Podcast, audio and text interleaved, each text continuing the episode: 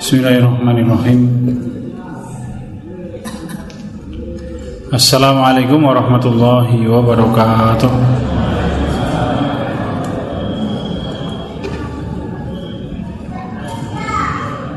Alhamdulillahi rabbil alamin. Innal hamdalillah nahmaduhu wa nasta'inuhu wa nastaghfiruh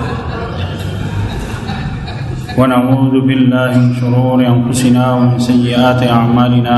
من يهدي الله فلا مضل له ومن يضلله فلا هادي له وأشهد أن لا إله إلا الله وحده لا شريك له. أشهد أن محمدا عبده ورسوله الذي لا نبي ولا رسول بعده.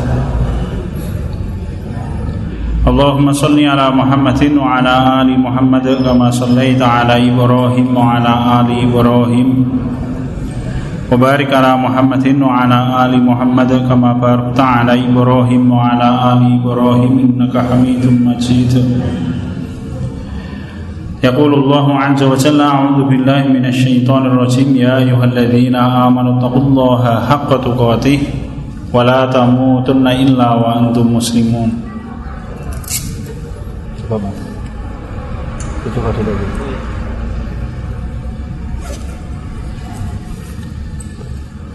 di sana kan yang belakang ini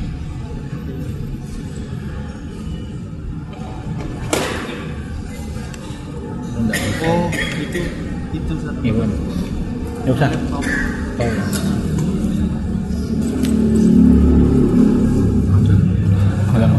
Nama? Betul nama? Hadirin asadani Allah wa iyyakum alhamdulillahirabbil alamin wonten ing dalu punika kula panjenengan sami dengan izin Allah taala kembali berkumpul di dalam majlisul ilm. Kita berharap majelis ilmu kita ini adalah majelis ilmu yang menambah kualitas kita baik untuk urusan dunia dan untuk urusan akhirat kita. Mohon maaf untuk malam hari ini tidak pakai LCD proyektor nih karena ini tadi baterainya habis dan chargernya saya saya salah ambil nyuwun ngapunten. Yang saya bawa chargernya laptop saya yang saya tinggal di rumah. Namun buatan moto kita lajengaken mawon materi kita tetap kita akan membahas tentang jalan untuk menjaga keimanan kita yang keenam.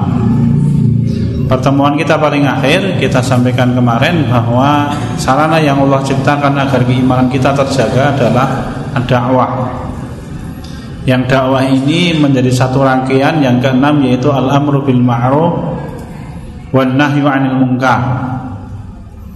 Kesempatan kali ini kita akan bicarakan tentang al-amru bil ma'ruf wan nahyu 'anil munkar. Cara keenam yang diajarkan oleh Allah Subhanahu wa taala agar keimanan manusia terjaga. Hadirin Allah wa iyyakum, al-amru bil ma'ruf wan nahyu 'anil munkar ini perkara yang kedudukannya sangat penting. Kenapa? Karena begini bapak-bapak ibu-ibu. Solehnya seorang muslim itu ketika maksiat merajalela maka solehnya seorang muslim tidak akan menghalangi siksa. Apalagi nanti kaum muslimin tidak mau merubah berbagai macam maksiat yang dikerjakan oleh manusia. J apa yang bisa mencegah datangnya bencana? Yang bisa mencegah datangnya bencana adalah al-amru bil ma'ruf wan nahyu 'anil munkar. Kalau seorang muslim soleh dia terkena akibat buruk bencana, maka kemudian misalkan dia mati, diampuni oleh Allah Taala dosanya. Oke, jadi akan menghalangi datangnya bencana di hari kiamat di alam barzah. Tetapi solehnya seorang mukmin itu kadangkala tidak bisa menghalangi turunnya bencana di tengah-tengah kita.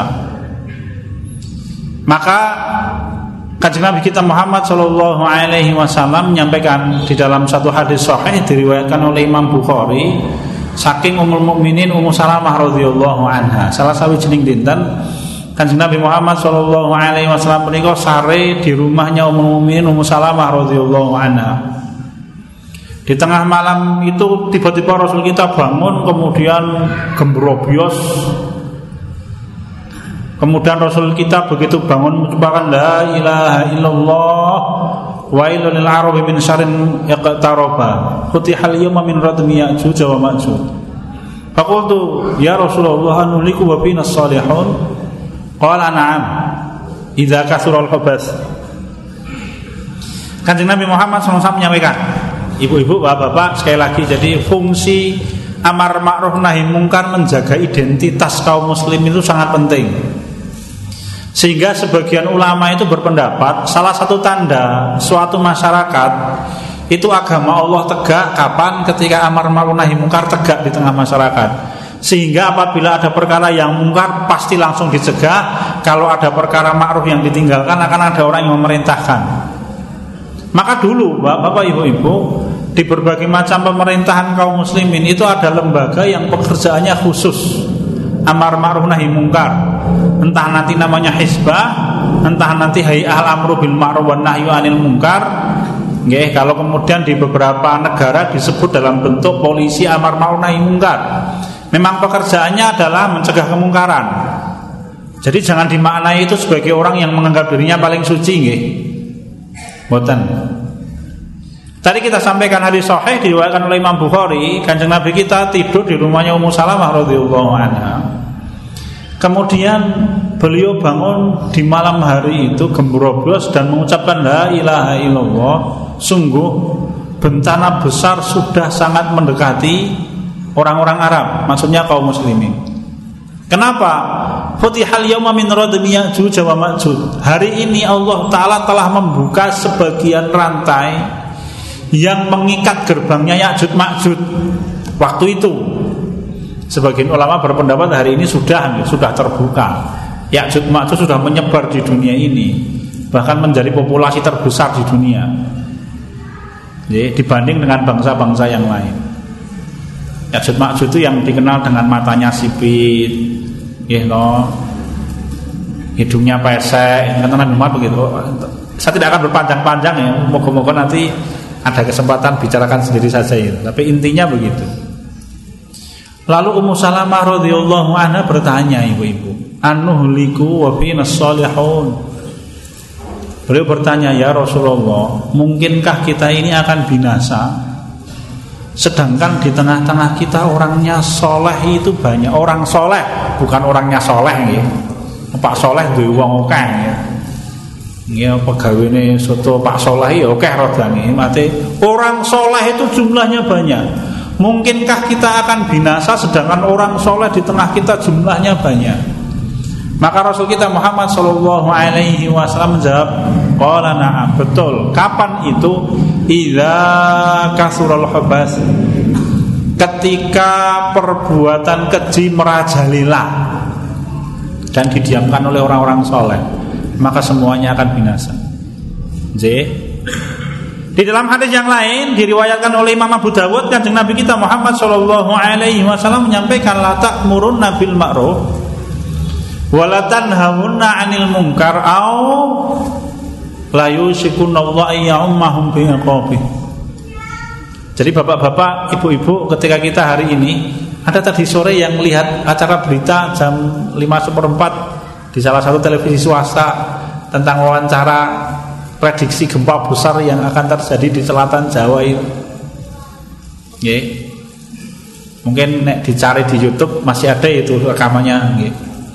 Ning ngerasa dipanjang-panjangke nggih, manake mumet. Ada cara yang diajarkan oleh Islam agar bencana itu tidak datang. Apa itu? Tegakkan nama nahi mungkar. Rasul kita menyampaikan latak murun nabil ma'ruf walatan hawunna anil mungkar. Kalian harus Allah Rasul kita menggunakan lam takkit dan nun takkit itu. Kalian betul-betul harus melaksanakan amar nahi munkar atau kalau tidak pasti kata Rasul Allah akan meratakan siksa untuk kalian semuanya. Jadi di dalam riwayat yang lain Rasul kita menyampaikan idza zaharul ma'asi fi qaumi atau kama qala ammat humullahu bi'adzabin min indih Idza zaharal ma'asi fi qaumi apabila perbuatan maksiat itu dikerjakan terang-terangan oleh manusia amatuhumullah bi'adzabin min indihi maka Allah akan meratakan hukuman kepada semua orang termasuk orang yang soleh. Kenapa? Karena orang solehnya meninggalkan amar nahi mungkar. Karena orang solehnya meninggalkan perintah yang diwajibkan oleh Allah atas diri mereka ketika mereka melihat kemungkaran. Tidak macam-macam loh ibu, tidak main-main, tidak kecil ini. Bahkan Allah menjadikan sikap meninggalkan amar nahi mungkar itu sebab Allah melaknat Bani Israel. Panjenengan bika wonten surat Al-Maidah ayat 78 79. Hadirin sadani Allah wa iyyakum. Allah taala berfirman A'udzu billahi minasyaitonir rajim.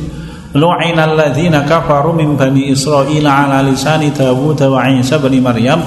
Dzalika bima asaw wa kanu ya'tadun. Kanu la yatanahawna 'an munkarin fa'alu. Labi sama kanu yaf'alun Allah taala menyampaikan lu'ina alladhina kafaru. Sungguh telah dilaknat orang-orang kafir min bani Israil dari golongan Bani Israel ala lisani Dawud wa Isa bin Maryam. Allah melaknat mereka menggunakan lisannya Nabi Dawud dan Nabi Isa bin Maryam. Kenapa? Zalika bima asau wa kanu ya'tadun. Karena dua, satu maksiat mereka, yang kedua sikap mereka melampaui batas. Apa yang dimaksud oleh Allah Ta'ala sikap bermaksiat dosa besar Dan sikap melampaui batas disebut ayat 79-nya Kanu la yatanahuna an munkarin fa'alu. Karena mereka tidak saling mencegah ketika kemungkaran dikerjakan di tengah-tengah mereka. Ibu-ibu, bapak-bapak. Ausikum wa iya Allah Kenapa kok amar ma'ruf nahi mungkar ini merupakan sarana salah satu sarana sangat penting untuk menjaga keimanan? Kanjeng Nabi kita Muhammad SAW di dalam satu riwayat disebutkan beliau bersabda, "Au kama qala la ya'tiyanna 'alan nasi zamanun yadhubu qalbul mu'min kama yadhubul milhu minal ma' Kila ya Rasulullah mimma dzaka qala minal mungkari la yastati'u taghyiruh Kanjeng Nabi Muhammad sallallahu alaihi wasallam bersabda akan datang suatu masa di mana keimanan hati seorang mukmin itu mencair hilang seperti garam yang diletakkan di dalam air kemudian diaduk mulai terurai satu persatu kemudian hilang larut di dalam air garame ora ketok. Lalu kemudian sebagian para sahabat bertanya kepada Rasul, "Mimma ya Rasulullah?" Kenapa itu terjadi ya Rasul? Rasul kita menjawab, "Minal mungkari la yastati'u tadhyiruh." Disebabkan karena kemungkaran yang tidak bisa dirubah. Jadi orang yang soleh itu ketika melihat kemungkaran di depan matanya pertama kali lu langsung, wah orang oleh ini mas, pisang. Pindo itu bungoe rada seru, tambah seru, ping telu, tambah seru, ping papat, seru banget, ping lima, kesel wisan bawa Ya, nanti bengokannya mulai hilang. Kalau dia sudah melihat kemungkaran itu setiap hari sepanjang hidupnya, maka dia nanti akan menganggap perkara itu tidak lagi mungkar. Napa bapak-bapak wis? Nggih. Zaman saya SD, bapak-bapak yang usianya seperti saya atau di atas saya, dulu namanya mohon maaf, seorang wanita menikah dengan seorang laki-laki dan kondisi wanita itu sudah hamil. Itu aib besar, Mas diungsikan dari kampung rawani Bali mulai hilang nggih gambare hilang ya. Tabu. Oh kok jangankan begitu? Nggih, saya diceritakan tahun pitung puluhan akhir itu kalau ada seorang laki-laki kok berani main ke rumahnya cewek sampai adzan maghrib digeruduk wong sak kampung. Dinikahi guon Nek cah nom saling malah seneng banget niku. Oplak pancene saniki. Betulan ibu-ibu. Sak duko itu datang gropiok kenapa ora ilok. Hari ini kok sekedar itu hamil di luar nikah itu sudah perkara yang biasa dan tidak dianggap tabu. Kalaupun toh masih ada orang yang menganggap itu dosa, hamil di luar nikah banyak orang yang punya anggapan begitu selesai menikah dosanya hilang. Nggih mboten? Mboten ndak begitu di dalam Islam. Kenapa toh bapak-bapak ibu-ibu? Karena biasa melihat kemungkaran Betul kata Rasul Akan datang suatu masa di mana hati keimanan seorang mukmin itu akan mencair seperti cairnya garam yang dimasukkan ke dalam air. Maka al-amru bil ma'ruf wan nahyu anil munkar adalah sarana yang sangat penting untuk menjaga identitas keimanan seorang mukmin. Ibu-ibu, bapak-bapak. Apalagi bahayanya ketika ini ditinggalkan doa tidak dikabulkan. Jadi ibu-ibu bapak-bapak menawi kula panjenengan sami hari ini berdoa waktu ora dikabul-kabulke. Apa penyebabnya? Karena kita meninggalkan al-amru bil ma'ruf wan nahyu anil munkar. Atau kalau tidak, mungkin karena kita benci dengan orang yang beramar nahi munkar. Jadi kalau ada orang yang beramar nahi munkar kita anggap wah oh, sok suci Mas. Ya. Rasul kita bersabda di dalam hadis yang diwakili Imam Abu Dawud Malih belum menyampaikan awakama kola ya. Latak muru latak muru nabil ma'ruf walatan hauna 'anil munkar. Au la yushikun Allah iya mu'asa 'alaikum iqaban min 'indihi thumma tad'unahu fala yustajaba lakum. Di dalam riwayat yang lain summa yad'u khiyarukum fala yustajaba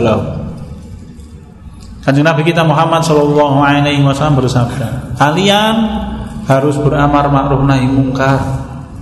Atau kalau tidak, Allah akan mendatangkan hukuman dari langit dan ketika hukuman itu datang, kalian berdoa kepada Allah ora dikabulke oleh Allah Subhanahu wa taala. Di dalam riwayat yang lain bahkan Rasul kita menggunakan bahasa summa yad'u khiyarukum fala yustajabalahum. Orang soleh di antara kalian wong sing paling soleh, orang paling baik di antara kalian berdoa kepada Allah ora dikabulke oleh Allah taala doanya. Nggih Bapak-bapak, tapi kenyataannya hari ini orang meminta kepada Allah hujan diberi hujan. Ibu-ibu bawa bapak Orang diberi dunia itu belum tentu tanda kebaikan. Nek poro ustadz sekarang itu memberikan contoh yang bagus. Kalau ada mas kayak wong ira sholat kalau segini oke Itu kemudian ustadz ini memberikan contoh. Saya menarik contohnya. Betul logis itu. Itu seperti orang bayar tukang parkir. Gih kalau panjenengan meletakkan motor di parkiran kemudian panjenengan bayar tukang parkir itu apa karena kita mencintai tukang parkir? I love you yo mas. Notakai rongewu gitu. Tidak begitu. Ya karena kita parkir kita belikan dia uang. Begitu saja. Karena manusia hidup di dunia Maka kebutuhan dunianya diberi oleh Allah Ta'ala. Apik poelek diberi hajatnya oleh Allah Ta'ala. Karena Allah tidak memiliki sifat zalim. Allah mengharamkan zalim atas dirinya. Inna Allah haram ala nafsi zulma. Allah mengharamkan atas dirinya kezaliman. Wa ja'altuhu bainakum muharraman.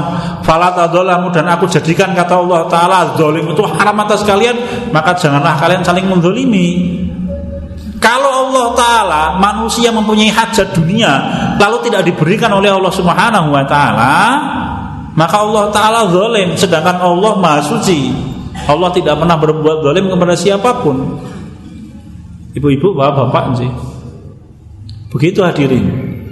Dan ini ancaman yang luar biasa dari Rasul kita Muhammad Wasallam doa-doa kita yang selama ini tidak dikabulkan oleh Allah sangat mungkin penghalangnya adalah orang meninggalkan amar ma'ruf nahi munkar. Ya hadirin. Karena laknat Allah itu bermacam-macam. Laknat itu apa tuh? Allah menjauhkan manusia dari rahmat. Tadi wow wonten ing surat Al-Maidah 78 79 itu. Kafaru min bani Israil ala nisani Dawud wa Isa bin Maryam dzalika bima asaw wa kanu ya'tadun. Allah melaknat, telah dilaknat Bani Israel dengan menggunakan lisannya yang Dawud dan Isa bin Maryam alaihi wasallam. Dilaknat itu apa? Dijauhkan dari rahmat. Bentuknya bermacam-macam, bisa paceklik, bisa bangkrut, bisa kaya tapi hidupnya sempit. Apakah ada? Ada. Panjenengan bika wonten ing surat Toha ayat 124.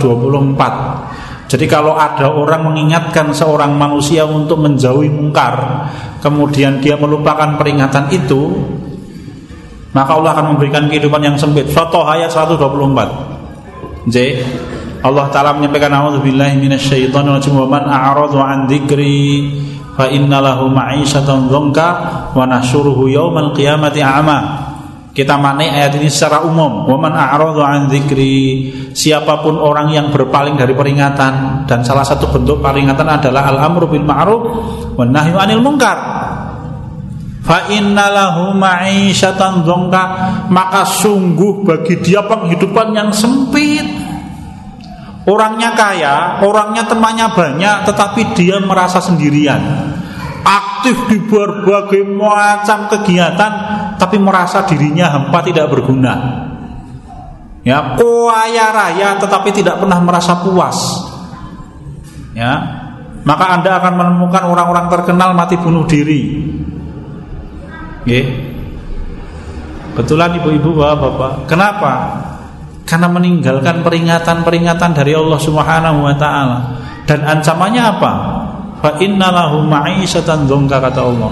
Ini salah satu bentuk ketika Allah taala mencabut barokah. Rahmat Allah mulai dihilangkan atas kelompok manusia. Berhati-hati loh hadirin sekalian nasadani Allah wa iyyakum. Jadi amar ma'ruf nahi mungkar itu satu amal yang tidak pernah ditinggalkan oleh orang-orang soleh. Kalau ada orang yang soleh meninggalkan dari pekerjaan-pekerjaan amar ma'ruf muka, bencana besar yang akan terjadi hadirin sekalian asadaniullah wa Nah, meskipun kita soleh maka dari itu Imam Malik bin Anas rahimahullah punika menukil perkataannya Khalifah Umar bin Abdul Aziz rahimahullah. Jadi Khalifah Umar bin Abdul Aziz rahimahullah seorang ulama besar tabi'in beliau. Beliau menyampaikan nasihat kepada murid-muridnya La yu'adzabul ammatu bidzambil khosok Walakin idza umilal munkaru jiharon istahaqqul uqubata kulluhum La yu'adzabul ammatu bidzambil khosok Manusia secara umum itu tidak akan mungkin disiksa oleh Allah dan dihukum oleh Allah Subhanahu wa taala karena doa, karena dosa orang-orang tertentu, sekelompok kecil manusia, tidak mungkin. Kenapa? Ya karena Allah Ta'ala menetapkan untuk surat An-Najm Allah taziru wa ziratu wizra ukhra. Seorang manusia tidak akan menanggung beban dosanya manusia yang lain. Walakin kata tetapi ingat Iza uminal mungkaru jiharon Ketika perbuatan mungkar dikerjakan secara terang-terangan Istahakul uqubata kulluhum maka semuanya berhak dihukum oleh Allah Subhanahu wa taala. Ahli maksiat dihukum karena maksiat dan dosanya kepada Allah, sedangkan orang-orang soleh dihukum karena meninggalkan amal nahi dan mendiamkan maksiat. Oleh sebab itu Allah Ta'ala berfirman Wonten ing Fatal Anfal ayat 25 Panjenengan bika ibu-ibu anda boleh baca tafsir Ibnu Katsir, boleh tafsir Al-Qurtubi, boleh ayat ini panjenengan jangan baca tafsirnya atau tafsir Imam At-Tabari, silahkan. Atau panjenengan tafsir baca tafsir Imam Al-Baghawi, panjenengan silahkan. Ya. Anda baca tafsir surat Al-Anwar 25 itu. Allah Ta'ala menyampaikan A'udzubillahi minasyaitonir rajim wattaqu fitnatal la tusibanna alladzina zalamu minkum khassah wa'lamu annallaha syadidul iqab berhati-hatilah kalian wahai orang-orang yang beriman ya fitnatan bencana besar la tusibanna alladzi Allah itu menggunakan non litakid di belakang itu bencana yang betul-betul tidak hanya menimpa orang-orang zalim tapi wong-wong soleh kena kabeh. Apa maksudnya? Para ulama menyampaikan yaitu ketika amar ma'ruf nahi ditinggalkan manusia, maka semua orang soleh akan dihukum oleh Allah Subhanahu wa taala. Ibu-ibu, bapak-bapak, ini penting. Jadi kalau kita kepengen Allah Taala menahan bencana yang ditetapkan dari langit, salah satu caranya adalah al-amru bil ma'ruf nahi. Namun begini, nah ini mengingatkan Ketika ada istilah amar ma'ruf nahi mungkar itu jangan langsung gambaran kita langsung bawa tongkat, bawa kepelantangan, pon jejak, orang jejak yang nyaduk. Jangan begitu. Bapak-bapak ibu-ibu, Rasul kita Muhammad Shallallahu Alaihi Wasallam menyampaikan, "Man ro'a minkum mungkaron, falyughayyirhu biyadi." Siapa pun orang yang melihat mungkar di antara kalian maka rubahlah dengan tangan. Fa'ilam yastati fabilisani Kalau dia tidak bisa Rubah dengan lisan. Fa'ilam yastati fabiqolbi Kalau tidak bisa rubahlah dengan hati. Wadhalika al iman Dan itu adalah lemah-lemahnya iman Ini Rasul kita Muhammad Shallallahu Alaihi Wasallam menyampaikan tentang tingkatan iman. Jadi imannya orang yang paling baik itu orang yang berani merubah dengan tangan. Iman level kedua itu orang yang berani merubah dengan menggunakan lesan. Iman yang paling lemah itu adalah orang yang merubah dengan cara hati. Piye menghindar gitu. Sudah kita bicarakan kemarin pertemuan yang lalu surat An-Nisa 140. Ya, innakum idza misluhum kata Allah, kalau ada orang berbuat maksiat, kita duduk di tempat itu meskipun kita tidak ikut berbuat maksiat, dihitung oleh Allah taala sama. Pelaksanaannya ibu-ibu itu ada enam tahapan atau tujuh tahapan. Oke. Di dalam Islam. Jadi menggunakan tangan, pukul tangan itu bahkan tahapan keenam. Kalau orangnya dipukul itu tahapan keenam. Nggih, kalau barang yang dipakai untuk berbuat maksiat itu tahapan keempat. Nanti kalau misalkan orang yang berbuat maksiat jumlahnya banyak dan punya bersenjata, maka nanti angkatan bersenjata yang akan menyelesaikan itu jihad bisa bila tahapan ketujuh itu. Tahapan pertama itu apa Bapak, Ibu-ibu? Amar ma'ruf nahi mungkar tahapan pertama itu menyampaikan. Karena ada orang yang memang betul-betul dia berbuat mungkar itu dia tidak tahu kalau itu mungkar. Mas ojo ngono Mas dosa, langsung mandek. Dan itu amar nahi mungkar tahapan pertama. Jadi begitu Bapak-bapak. Kalau dikanani Mas kowe iki dosa, dia belum berhenti. Yang kedua, diterangke. Itu tahapan amar nahi mungkar yang kedua. Nih Mas, tak kandani khomer ki haram. Ayat iki lho diwaca ayate. Nggih to. Khamr itu apa to? Khamr itu semua barang yang menyebabkan mabuk. Nggih. Mbuh rohimno lek lek lek sotan yo oh, megadon yo oh, tramadol yo nggih gitu Mas. Lem kaibon ya nggih to omong Itu menerangkan. Diterangkan. Kalau diterangkan kok tidak mau berubah, maka kemudian tahapan yang ketiga dilek dengan bahasa yang keras. Nggih. Lah piye lek nyontoke aku ya ora biasa ya Bapak Ibu. Mungkin aktivis sama mulai mungkar yang itu biasa mengerjakan. Oh, ini ya terus miso, ah nggih padha eleke. Bahasa keras itu bukan miso-miso loh Bapak. Ya, begitu disampaikan oleh Imam Ibnu Jauzi atau Imam Ibnu Qudamah dalam kitab Muhtasar Minhajul Qasidin. Dengan menggunakan kata-kata keras. Kok kata-kata keras tidak mau berubah? Yang keempat, dipukul tapi bukan orangnya, barangnya. Misalkan mabuk, dia pakai botol minuman keras, botol minuman kerasnya diambil, dipecahkan. Ini kok dipecahkan, dikeproke ya oleh gitu, semaput wonge. Itu bukan tahapan keempat. Tahapan keempat itu, itu botolnya yang dibuang ke sampai pecah misalkan ke lantai. Kalau misalkan tempat untuk apa berzina ya gubuknya dirobohke ini tahu misalkan begitu. Baru pakai itu loh pak bapak. Kalau keempat ini kok tidak bisa berubah yang kelima adalah ancaman pemukulan. Ya ancaman pemukulan. Naik kurang gelem mandek tak lho kan bahasanya halus mboten napa-napa. Bahkan pakai basa Jawa halus. Nggih. Wonten mboten Pak?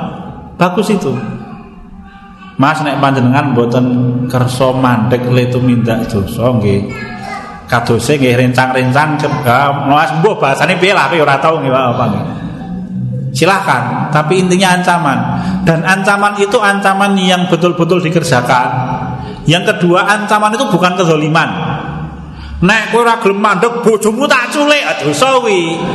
Ora oleh, ndak boleh ibu-ibu apa Pak. Omahmu tak obong ndak boleh.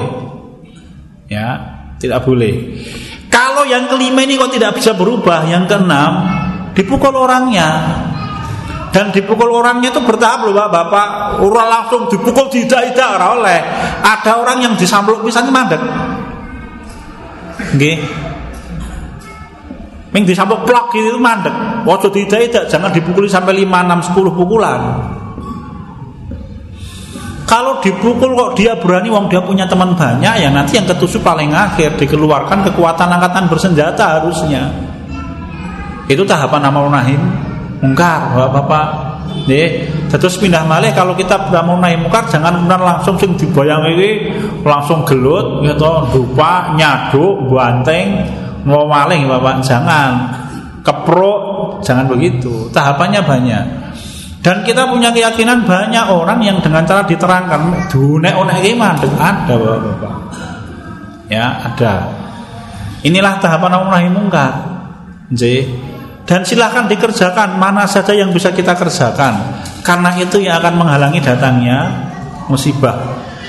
Dan lain-lain. Masih banyak sebenarnya bapak-bapak akibat buruk orang meninggalkan amar nahi mungkar